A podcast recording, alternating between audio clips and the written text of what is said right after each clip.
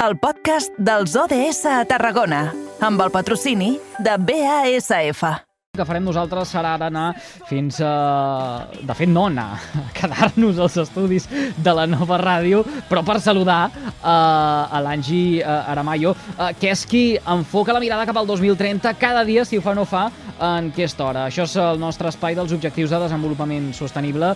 I aquest dijous, val a dir que ens quedem amb el número 11, que parla de comunitats i ciutats sostenibles. Angi, bona tarda, bon dijous, gràcies. Molt bona tarda, Eduard. Igualment, i com deies, avui ens centrarem en aquest ODS per parlar de comunitats sostenibles, ja que el darrer ple de l'Ajuntament de Vandellós i l'Hospitalet de l'Infant va aprovar de manera inicial l'ordenança municipal que regula els habitatges d'ús turístic.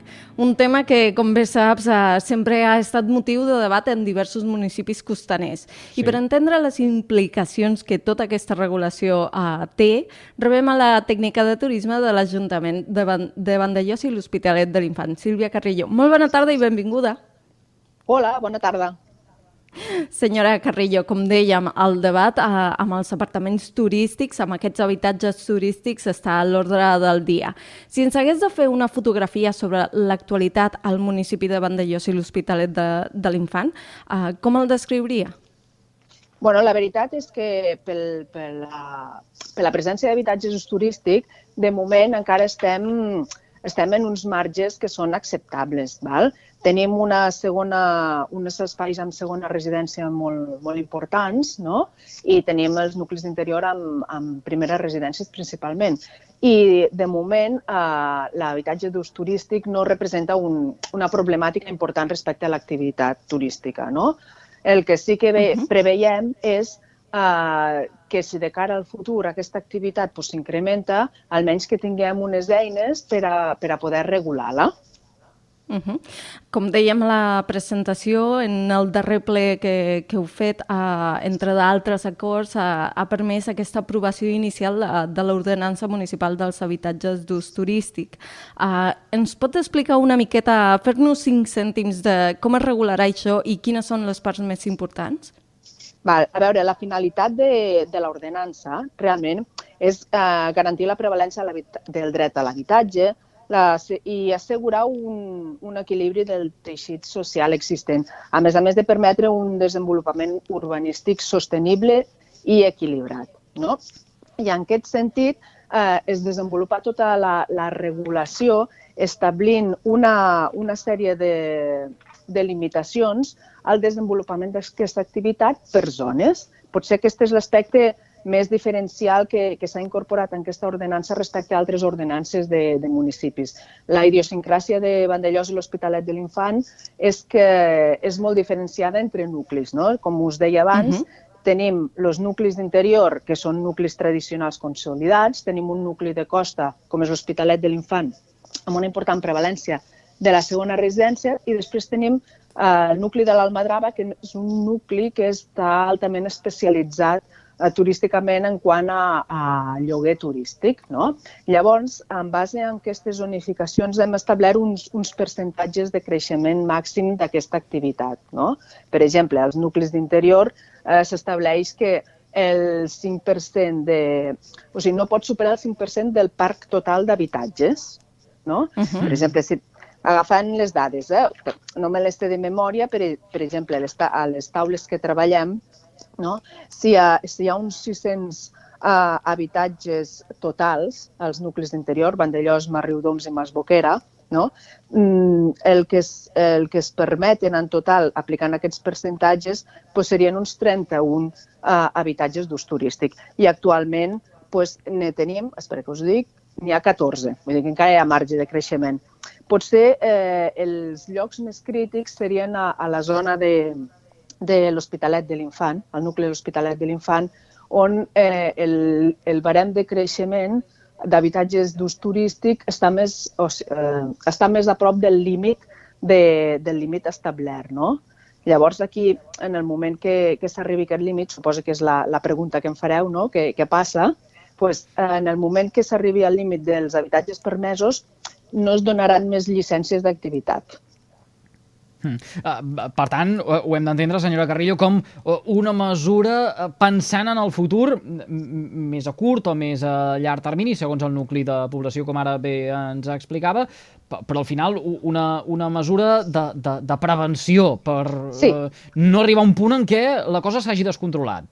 No, no, de moment no, no s'ha descontrolat. Sabem que ja, ara, és innegable, però no és només a, a l'Hospital, a Vandellós i a l'Hospitalet, és en general, no? que la recerca de, de vivenda, sobretot de lloguer, no és fàcil. No? Llavors, el que hem vist a que aquesta situació es pugui agreujar, des de l'Ajuntament es va, es va, es va, va prendre la iniciativa per a que a mig termini, a curt mig termini, eh, puguem regular aquesta activitat. No? Llavors, uh -huh. penseu que moltes vegades un propietari que té una segona residència o, o pot adquirir una, un segon, una segona vivenda, no? eh, pensa que li és potser molt més rentable llogar, tenir el pis a lloguer turístic quatre mesos, no? que tenir-la amb un lloguer habitual, eh, bueno, un mm. lloguer de, de llarga durada. No? I clar, això també a la llarga pot representar un problema perquè la gent jove que vol accedir a l'habitatge eh, es pot trobar que o bé no hi ha parc, no hi ha, no hi ha pisos per llogar, o bé els preus se disparen. No? I llavors, doncs, en vista amb això, intentar prevenir aquesta situació, com a mesura d'equilibri del teixit social, s'ha començat, bueno, s'ha iniciat aquesta ordenança. Clar, això que acaba de retratar vostè és una realitat que es viu ara en d'altres eh, municipis no gaire lluny, eh? eh sobretot de, eh, de, del nostre litoral o fins i tot del prelitoral. Molta gent jove que ha de marxar de viure fora de la seva població perquè, uh mhm. -huh. precisament, eh, el, el parc d'habitatge eh, per eh, eh, accés uh, uh, directament... De primera uh, vivenda, uh, sí. Exacte, no, eh, és, és inexistent. Uh, sí. O molt una car. realitat... Uh, uh -huh. També, aquesta és, aquesta és, uh, és l'altra. Uh, han, han, han rebut algun, algun input, senyora Carrillo, per part dels de, uh, mateixos veïns que uh, ja tinguin ara mateix aquests habitatges regulats com a d'ús turístic? Què, què els no, ha semblat? No, els, els, eh, es va presentar el, des del Departament de Turisme, es, es realitza un Consell Sectorial de Turisme i es va presentar, o sigui, es, va, es va anunciar que es faria aquesta regulació.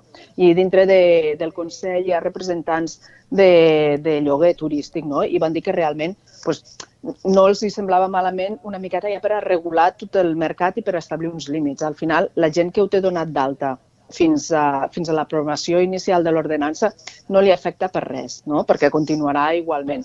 El, el tema serà a partir de la posada en funcionament de l'ordenança que es mirarà a veure si hi ha, si hi ha possibilitat o no.